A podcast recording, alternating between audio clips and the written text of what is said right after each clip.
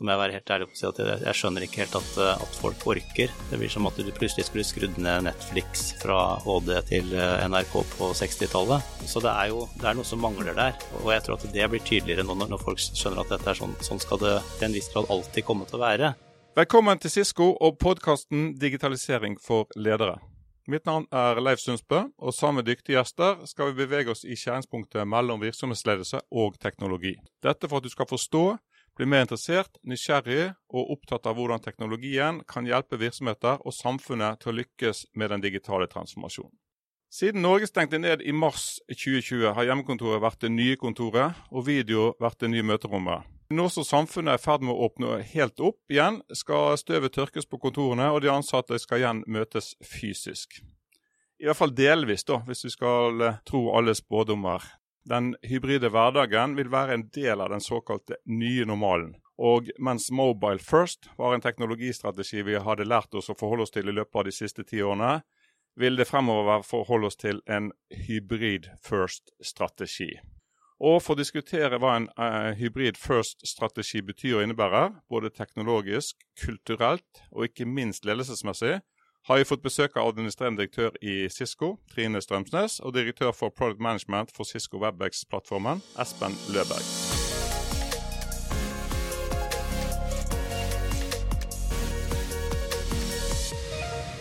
Velkommen skal dere være, Trine og Espen, til eh, sesong to av podkasten vår.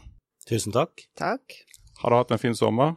Definitivt. En hybrid sommer. En hybrid sommer. Dere har klart å rive dere litt løs fra hjemmekontoret, eller? Å ja, absolutt. Så, så bra. Og, og, som nevnt innledningsvis, altså, nå har jo skolene startet igjen, og mange skal tilbake igjen på jobb etter ferien. Nå er ikke hjemmekontor noe nytt for oss i Cisco, da. Og globalt så har jo sier vi at så mange som seks av ti ansatte har jobbet tre til fem dager fra hjemmekontor i uken. Mantraet vårt har jo vært at jobb er en aktivitet og ikke et fysisk sted. Og Spørsmålet er jo den nye normalen, som det såkalt heter. Vil den være uendret for Cisco, eller vil vi gjøre store endringer nå som samfunnet så åpnes, åpnes opp igjen, Trine? Et godt spørsmål. Um, jeg har selv jobbet hybrid siden jeg startet i Cisco. Fordi uh, rett og slett det har vært tilrettelagt for at jeg kunne gjøre det fra min arbeidsgiver. Det har vært veldig viktig. Og det har ikke så mye med eh, kanskje fysisk utstyr å gjøre, men det har med eh, hvordan vi praktiserer eh, vår kultur, og hvordan vi praktiserer ledelse. Før så har jeg hatt valgfrihet. I pandemien så ble jeg fratatt valget å dra på kontoret, som var eh, en unik situasjon. Så tvang oss, til å, tvang oss til å tenke litt nytt. Og vi har sett veldig mange fordeler. Eh, og jeg skal ikke nevne det, for det har vært diskutert både fordeler og ulemper med hjemmekontor eh, i media og andre steder veldig lenge. Men Cisco har da tatt en beslutning eh, om hvordan en hybrid fremtid skal se ut.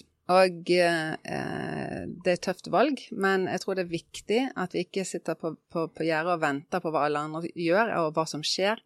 Vi, vi, vet, vi vet ikke hvordan fremtiden ser ut, men vi må ta et standpunkt. Og det har vi gjort, eh, og det vi har sagt eh, globalt, er at ingen skal måtte være på kontoret. Ingen skal tvinges til å være på kontoret. Men samtidig skal alle ha tilgang til et kontor. For kontoret er viktig. Kontoret er viktig for å skape tilhørighet, eh, fellesskap, dyrke kulturen, møte våre kolleger formelt, uformelt. Og ikke minst det som er kjernen i vår forretning, som er å drive innovasjon. Så tror jeg også at innovasjon godt kan, kan gjøres på video. Vi har ikke tenkt å si at eh, nå er det sånn at alle bare kan gjøre som de vil. Eh, finne ut hva, hva det er best. Vi praktiserer noe som heter tight, loose, tight. Vil si at eh, vi begynner med at eh, lederne setter seg ned sammen med teamene sine. Eh, for det er opp til teamlederen og teamet å bestemme hvordan kontoret skal brukes, og hvordan de skal ha det, hvordan de skal møtes fremover. Så det første vi skal gjøre, er å sette oss ned og bli enige om det. Og så skal vi praktisere og se hvordan dette fungerer, og hvordan eh, vi gjør det på best mulig måte. Og så tar vi en sjekkpunkt underveis. Eh, det som er viktig her, er Nå har vi vært vant til å sitte hjemme, men hybrid må vi finne ut av. Så det, med, det, er viktig med opplæring, det er viktig med å ha en veldig, veldig bevisst kultur. Så mener jeg at dette her er en fantastisk mulighet for oss, for samfunnet, og jeg er sikker på at vi får det til. Men du sier at det er opp til teamene å bestemme Teamene består jo av mange individualister, og noen vil jo si at altså, Og personligheten vil jo sannsynligvis da spille en rolle her. og Noen vil jo si at nei, jeg vil bare jobbe hjemme. Vil det være greit, eller vil vi ha noen krav om, om å møte fysisk noen ganger? Eller, eller hvordan De som bare ønsker å jobbe hjemme, eller ikke ønsker å jobbe på kontoret, da? Vi, vi, eh, og det er derfor vi har sagt vi legger ansvar på team og teamleder til å finne ut av dette sammen. Og det blir også teamleders ansvar, ikke bare for, eh, for å sørge for at eh, vi samles på en måte som gjør at vi faktisk har et godt team, er en del av et godt team og føler tilhørighet til det men det er også å ta vare på de som faktisk ikke har Altså de som ønsker å være på kontoret hele tiden. Altså det, det, er en teamleders oppgave å sørge for at alle har det bra, men at vi har den valgfriheten, og så at vi har treffpunkter. Men det er ikke noen oppskrift. Eh, jeg tror det er det som teamleder og team må finne ut av. Og så sørge for at igjen, vi møtes på en fornuftig måte. Før pandemien så var jo alle kontorplassene, eller nesten alle kontorplassene tilpasset enkeltindivider. Og de 500 som jobber her på Lysaker, hadde jo da sin egen plass omtrent. da. Men, men, hvis det er sånn at det blir frivillig, og frivilligheten skal råde, og teamene skal bestemme, altså hvordan vil kontorene våre se ut fremover? Da? Vil man bygge om altså For da, vil en sannsynligvis dra inn på kontoret for å møte andre og for å samhandle med andre, eller være kreative, eller altså, Vil vi gjøre noe for å tilpasse oss den mer den nye normalen, for å si det sånn? Jeg tror Kontorene brukes på en annen måte. Så da må vi tilrettelegge kontoret på en annen måte enn det vi gjorde før. Eh, og det viktigste er kanskje det at eh, jeg kommer til å dra inn på kontoret for å møte kollegaer. Og da må jeg ha større mulighet til å møte kollegaer formelt, eller få teamene til å jobbe sammen, og møtes uformelt. Men jeg trenger det ikke for å ha en, en plass å sitte på og jobbe. For det kan jeg gjøre bedre nesten hjemme. Så det må være, vi, vi, må, vi må tilrettelegge for at kontorene er et veldig attraktivt sted å være. Vi ønsker jo å få folk inn på kontoret. Eh, og eh, Vigdis Austrheim sa vel på en tidligere podkastepisode at eh, vi må rulle ut den røde løperen. Og det må vi. Vi er straks tilbake.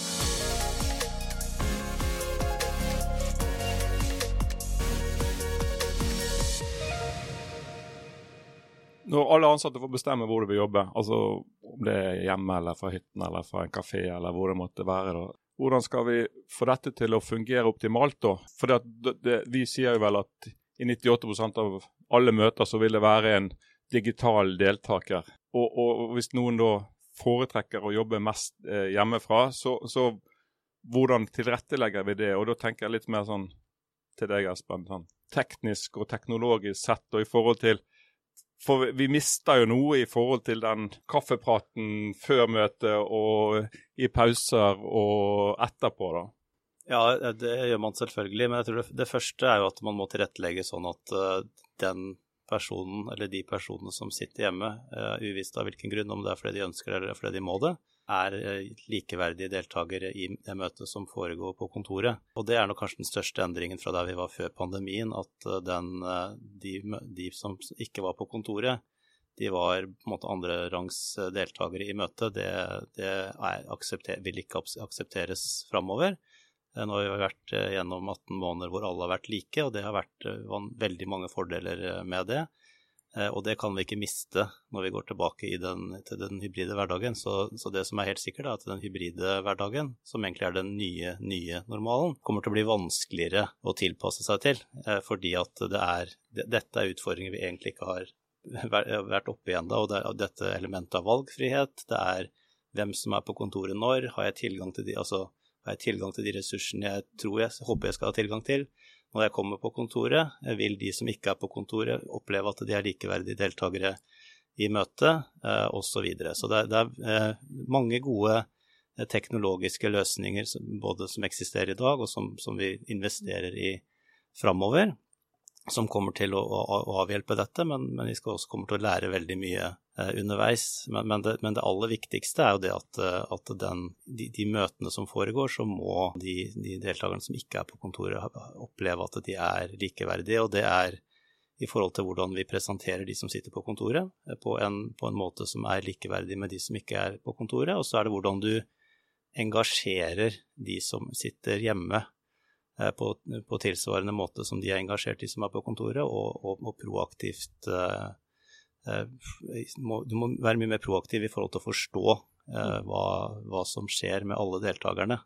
det, det krever, krever, mer. Mange, mange, stiller seg spørsmål um, hvordan skal vi drive innovasjon når vi, når vi ikke møter, når ikke vi ser hverandre, når ikke vi har et whiteboard, når ikke vi har uh, disse gule Post-It-lappene.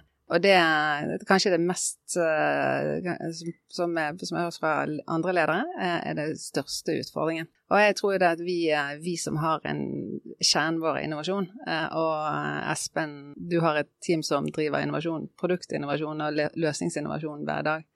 Så jeg syns jo det at det vi har gjort selv, eh, og klart å gjøre det gjennom pandemien, eh, og la teamene jobbe sammen, men faktisk over video, at det faktisk er mulig å drive innovasjon, selv om vi ikke sitter i samme rom. Og, og det har jo vært fantastisk mye innovasjon som har vært drevet gjennom pandemien. Vi har jo vært tatt eh, ti år på, på 18 måneder på, på, veldig mange områder. Mulighetene med den perioden vi har vært inne i, har jo vært at kanskje flere kommer til orde. Eh, det har nok vært lettere for eh, introverte å få et, eh, et sete ved bordet og, og, og, komme til orde i den, i den, virkeligheten vi har vært i. Og produktiviteten har jo på ingen måte gått ned. Det har oppstått nye verktøy, mye måter å jobbe på, måter å innovere på, som, som har brakt mye, mye godt. Også, men så er det alt det vi ikke vet. Jeg tror det, altså, det er alt den tilfeldigheten, de tilfeldige møtene det er jo det vi ikke har hatt, og, vi, og vi, resultatet av det, eh, det, det, er jo vanskelig å, å måle. Eh, men, men, det er jo det vi er bekymra for, at, at, det kunne oppstått enda mer geniale ideer hvis, hvis folk hadde møttes tilfeldig i større grad. Og det, og det har vi ikke klart å, å, replikere enda, tenker jeg da. Har du noen målinger på det, har du noen formening om det i forhold til hvordan før og etter pandemien, for å si det sånn, eh, i forhold til innovasjonstakt og som du sier, geniale løsninger? Har det blitt færre eller flere? eller? Nei, jeg tror det, altså Innenfor det området vi er i, så har det jo definitivt blitt flere geniale løsninger. altså Det er jo eh, muligheter for, for uh, virtuell samhandling. Uh, og innovasjonstakten der har jo absolutt gått dramatisk opp de siste to åra. Uh, nå vil vi se en, en, veldig mye innovasjon innenfor dette hybride arbeidslivet, uh, som, som, kommer til å bli veldig spennende. Vi er veldig, og tilbake til det vi snakka om med at, at, jobb er hva man gjør og ikke hvor man er. Det, er bare, det, det, kommer litt an på hva man jobber med, og det må man jo huske på. Uh, altså vi, dette her vi jobber på Cisco i Oslo, er jo verdens største lab for, for samhandling i bygg. Og det er klart at hvis du velger å ikke være på jobb, Eh, og har som jobb å drive innovasjon rundt samhandling i bygg, og så bare sitte og gjøre det hjemmefra, så tror jeg det blir ganske vanskelig over tid. Så klart at vi, Og vi ser også det at nå som vi åpner kontorene igjen, har det vært eh, helt fullt, vi har vært helt på full kapasitet eh, så langt denne uka etter ferien. Så, så folk er jo definitivt tilbake på, på jobb. Og det er nettopp fordi at vi, vi får ikke egentlig gjort, gjort, jobben vår i forhold til å utvikle den hybride arbeidsplassen med mindre vi er, kan være med på kontoret. En ting er jo hvordan vi i, i Cisco har håndtert pandemien og hjemmekontorkravet. men for det, Vi har jo på en måte, som du sier Espen, vi, vi har teknologien og vi, vi, jobber jo med dette. Og vi, og vi, har også delvis kulturen på plass da, i forhold til at vi er vant til å jobbe fra, fra alle steder. da. Og, eh, men det er jo ikke alle forunt å, å ha den eh, både kulturen og teknologien på plass. da.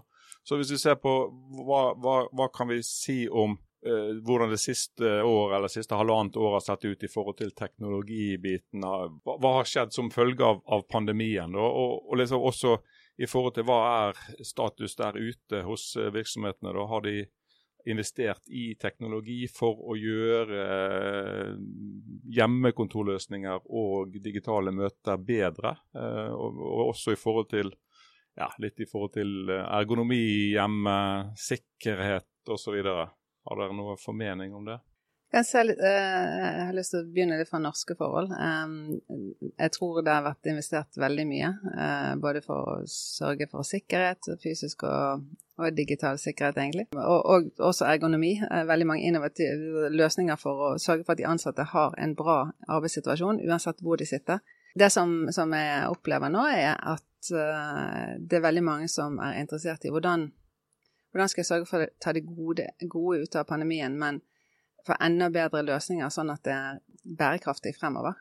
Og det vil si kvalitet. Uh, det å sitte og se ned på en, en dårlig PC-skjerm uh, og jobbe en hel dag hjemme, det er ikke bærekraftig. Så, så det med god kvalitet, og så er det veldig stor interesse for eh, det som vi snakket om litt tidligere, det med å inkludere. For du vet at du kommer til å ha eh, noen deltakere i et møte virtuelt. Hvordan klarer du å inkludere dem på en god måte? Ikke ha en skjerm oppe på veggen, eh, ha to skjermer som gjør at du faktisk kan dele informasjon på den ene, og så ha god, engasjerende inkludering av de andre som er med på video. Så, for da, da, har du en naturlig og en litt mer sømløs um, arbeidstilværelse. Men, men jeg, jeg, har også, tror også det at hvis vi ser det globalt, så, så, er det hva vi har opplevd gjennom hva er det som hva er det vi har sett, og hva er det vi ser er stor interesse for. Så Espen, uh, over til deg. Ja, altså det, det, er klart at uh, det, uh, mye av den tidlige fasen så var det jo litt var det jo panikk, og, og, man gjorde det man måtte for å få ting til å funke. Og så tror jeg veldig mange relativt kort tid etter var ganske imponert over hvor, altså, hvor bra det funka å, jobbe på video. Det visste jo vi allerede, men, men nå vet alle det, at det, det funker, til, funker du kan få gjort veldig mye uten å måtte reise og uten å måtte møtes eh, fysisk. Samtidig så, så for oss som har jobba med dette en stund, så er det jo fascinerende å se hva folk tar til, tar til takke med. Eh, hvis du ser på, på, kvaliteten på mange av de møtene som, som foregår, så er det jo så må jeg være helt ærlig på å si at jeg, jeg skjønner ikke helt at, eh, at, folk orker. Det blir som at du plutselig skulle skrudd ned Netflix fra HD til eh, NRK på 60-tallet. Så det er jo det er noe som mangler der. Og jeg tror at det blir tydeligere nå når, folk skjønner at dette er sånn, sånn skal det til en viss grad alltid komme til å være. Eh, så må man løfte, løfte kvaliteten på det, både på kontoret og, og hjemme. Selv om man, man, får gjort ting og man, man ser folk, så er jo mye ofte kvaliteten både på lyd og bilde såpass dårlig at det, det er veldig stor kognitiv last å, å prosessere dette. Det er, det er, slitsomt over tid. Der er det veldig mye å gå på. Det tror jeg mange innser, og, og vi ser jo veldig stor interesse for, uh, hva skal jeg si, mer høykvalitetsløsninger da, på, på, hjemmekontoret. Det er jo det, det, området vi har hatt størst vekst på uh, i, uh, i, løpet av det siste året. Det ser vi vel også i, i, i media også, at, at, veldig mange syns at de digitale møtene er eh, for dårlige. Da, altså Lydmessig og videomessig. Da, at det blir Ja, kvaliteten er for dårlig. En blir sliten, rett og slett. Da. Det, det skjønner jeg jo, hvis du skal sitte og se ned i et kamera i, på nedre del av en eh, PC i eh, åtte timer hver dag, så, så er jo det slitsomt. da. Hva, hva, er dine anbefalinger da, Espen, i forhold til å komme opp på et hva skal jeg si, akseptabelt nivå til en akseptabel pris?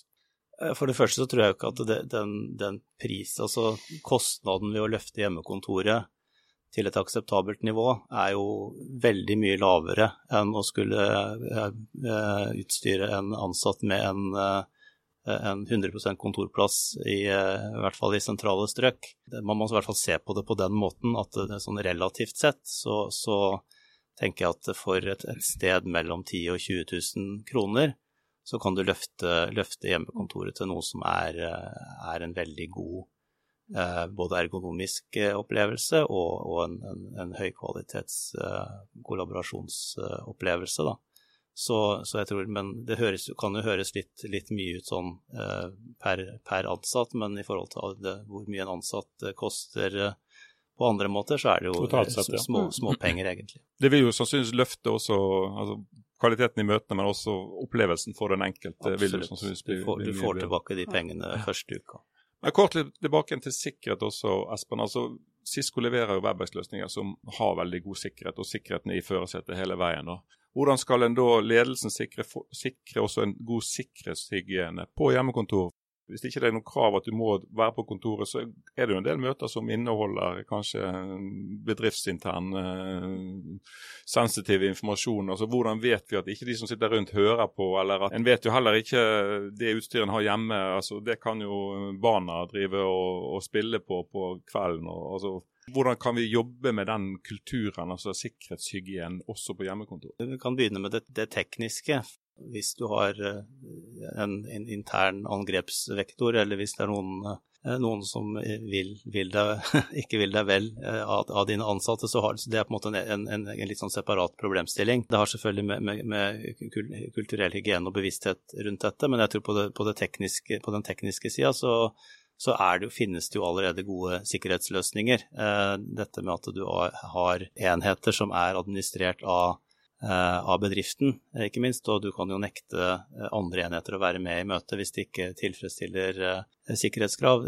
Det er i hvert fall vi i Cisco opplevde de siste, det siste året, er jo at du, du, blir jo hele tiden Altså hvis ikke det, enheten din er på siste programvare, altså gjennom den konstante tofaktorautentiseringen man gjør, så, så, så, får, man gjort, får, man jo ikke gjort, det man ønsker å gjøre før man har, har tatt visse grep. Så, så, veldig mye av det der kan jo, kan jo kontrolleres fra, fra bedriftens side i forhold til hvilke enheter som er med i hvilke møter.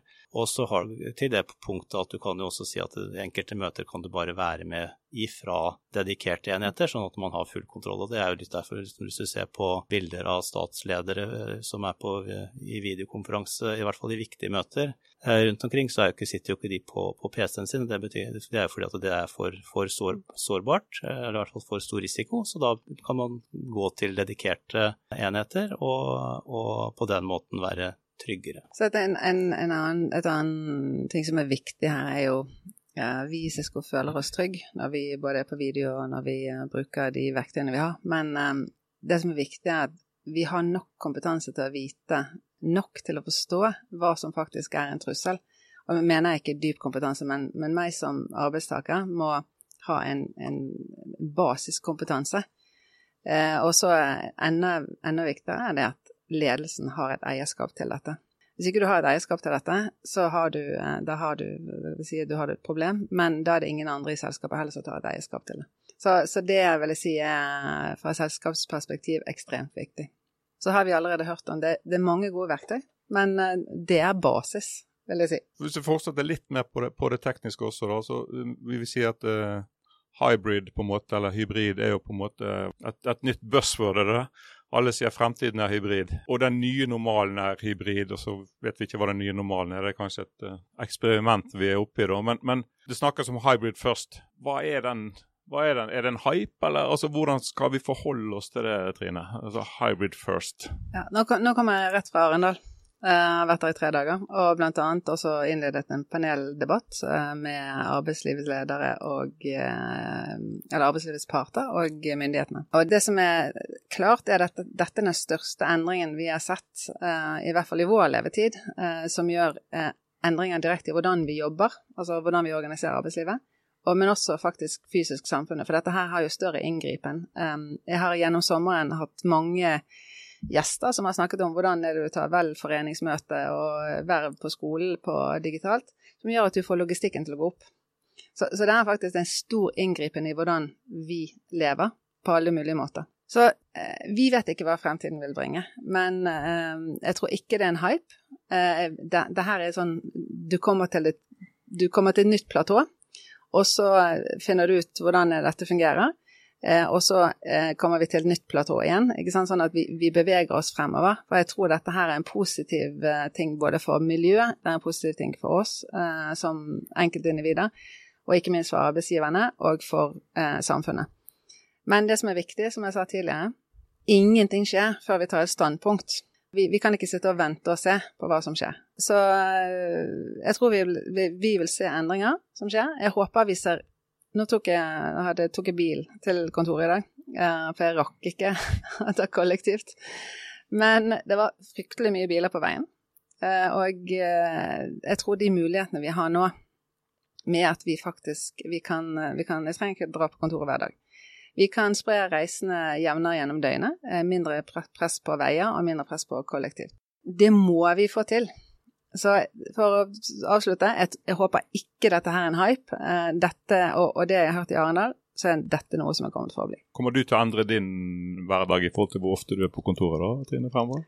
Ja, men jeg, eh, altså fra før, hvor jeg var på kontoret når jeg ikke var ute, eh, det var, det var den vanlige standarden, så kommer jeg nå til å prøve å planlegge. For det jeg opplevde gjennom pandemien, er rett og slett at jeg har hatt bedre privatliv. Jeg har hatt mer til overs. Jeg har vært mer produktiv, som igjen har ført til at jeg har et, et større rom i privatlivet. Så, så, jeg kommer til å forsøke å planlegge så godt som mulig, eh, sånn at jeg er på kontoret. Um, Kall det tre dager i uken, uh, men da skal jeg samle de møtene jeg har på kontoret. Hvis jeg har et møte som, med noen som sitter utenfor, som jeg skal ha på video, da sitter jeg hjemme. Hvis jeg skal jobbe med noe som jeg vet trenger fokus, så sitter jeg hjemme. Men det krever faktisk litt av meg å planlegge. Så, så, helt klart, eh, jeg kommer nok til å følge resten av selskapet. Men det første jeg skal gjøre, det sitter sitte ned med teamet mitt. Eh, vi skal bruke tid for å finne ut hvordan er det vi skal møtes fremover, og hvordan er det vi skal jobbe fremover som lederteam. Bra. Da skal jeg utfordre Espen litt også på, litt på teknologien. Toppsjefen for, for Cisco sine samhandlingsløsninger globalt han hevder at vi skal utvikle da, altså hybrid first-teknologi, som vil gjøre altså, digitale møtene ikke bare like gode som de fysiske, da, men ti ganger bedre. Og, og, Det går på sikkerhet, det går på lyd, det går på sanntidsoversettelse. Så vi oversetter vel nå, så siste jeg leste var vel 100, fra engelsk til 108 språk. For det første er det mulig å få det til, og, og hvis vi gjør det, vil, vi, vil det være ti ganger bedre, eller vil vi miste noen av underveis? Altså I en oversettelse, altså alle har vel prøvd Google Translate og sett hva som kommer ut av det, og si det sånn. Jo, det, det, er klart. Eh, jeg, jeg tror det er, en, det er, en, veldig bra ambisjon at, uh, at, virtuelle møter skal være ti ganger bedre enn en personlige møter. Det betyr jo ikke at vi ikke ønsker oss fysiske møter, men vi tror at den innovasjonen som oppstår med det tankesettet, også vil tilføre verdi i fysiske møter. Jeg tror kanskje det beste eksempelet der er dette med, med hvordan du, du fanger all, all, informasjon som, eh, digitalt som, som, kommer opp i møtet. Ja, du kan legge på, du kan gjøre, gjøre te teksting av møtet, du kan oversette simultant. Ja, det, det vil sikkert ha enkelte utfordringer, men, men den, kanskje den største verdien av det er jo etter møtet. Med, og at, at all den informasjonen er tilgjengelig. Den kan være indeksert, kategorisert, du kan få aksjonspunkter der ligger det utrolig mye, mye muligheter i, eh, i, det, i den, eh, den, tankegangen. Og jeg tror du ser det også nå på Gitt at vi er i mye møter, og du får ikke med deg alle møtene, når du skal inn og, og se på, på en, et opptak av et møte, så i hvert fall det jeg gjør, at jeg setter, setter jeg det på på to ganger hastighet, og så får jeg med meg det møtet på, på halvparten av tiden. Det er jo definitivt eh, ti ganger bedre enn å bruke, å bruke, en halvtime på et møte enn en time på et møte. Så der, det, det, der kommer, uh, kommer, vi til å oppnå, uh, det er jeg ganske sikker på. Og igjen, det kommer til å, til å gi også veldig mye verdi for de fysiske møtene, selvfølgelig. Så tolk er vel kanskje ikke da fremtidens yrke, da, ifølge Sisko? Ikke nødvendigvis. Du trenger i hvert fall ikke nødvendigvis så mange tolker for, for, for de enkle tolkeoppgavene. Og så får du heller få inn, få inn, tolker på det som er noe mer eh, avansert. Og så kan vi kombinere det på en hybrid måte med maskiner og mennesker sammen. Men, det som jeg tror er viktig, det er det som teknologien faktisk kan gi oss. Uh, mer uh, enn det vi uh, har i en manuelt, kall det uten teknologi. Så, så jeg sier det Vi må utnytte de mulighetene som teknologien gir oss. Vi nærmer oss uh, slutten her nå, men, men først uh, Trine, litt til deg igjen. Uh, jeg leste nylig en rapport fra Ipsos, levert på oppdrag fra Epos, som er en sånn høykvalitets hodetelefonleverandør. Og Der kommer det frem at ledere og ansatte ikke er helt enige om det å returnere til kontoret. Lederne vil i mye større grad ha de ansatte tilbake på kontoret, mens de ansatte i større grad vil jobbe hjemme. Men Hva tenker du lederne må fokusere på fremover for å sikre et inkluderende arbeidsmiljø, og hvor de ansatte blir motivert og, ja, føler seg sett og blir på en måte deltakende og, og aktivt deltakende selv om de da, da jobber hjemme altså med, med alle ansatte i, i Cisco Norge og den hybride hverdagen? Altså Forutsetningen er litt uh, det at du har faktisk en ledelse som ikke er kontrollerende ledelse, men som er uh, engasjerende og ledende ledelse, som jeg hørte uh, nå nylig. Gjennom pandemien så har vi testet alt mulig for å engasjere, motivere, holde entusiasmen oppe. Vi må, gjøre, vi må, gjøre, det veldig attraktivt å være på kontoret, men til, for å møte de andre ansatte. Vi må sørge for at vi har de riktige vi, vi, vi legger riktig til rette for at det er bra. Og så må vi sørge for at vi har ritualer. Kultur er eh, for meg ritualer. Hvordan er, det, hvordan er det vi gjør det her? Og det er viktig, for da føler du tilhørighet, eh, du føler deg som en del av selskapet, og du vet Du har en viss forutsigbarhet, og så er det engasjerende. Så, så det er ikke ett svar på dette. Eh, det er et bredt emne. Men, men, jeg tror det er, som vi nå velger å gjøre, teamleder sammen med teamet finner ut hvilke ritualer det er vi skal ha, eh, og hvilke ritualer det er vi skal ha i Sisko. Og at vi som ledere er med og engasjert dette er ikke noe som vi overlater til andre. Eh, det er like viktig for meg, altså det er mest viktig for meg, at dette fungerer, at vi har engasjerte ansatte.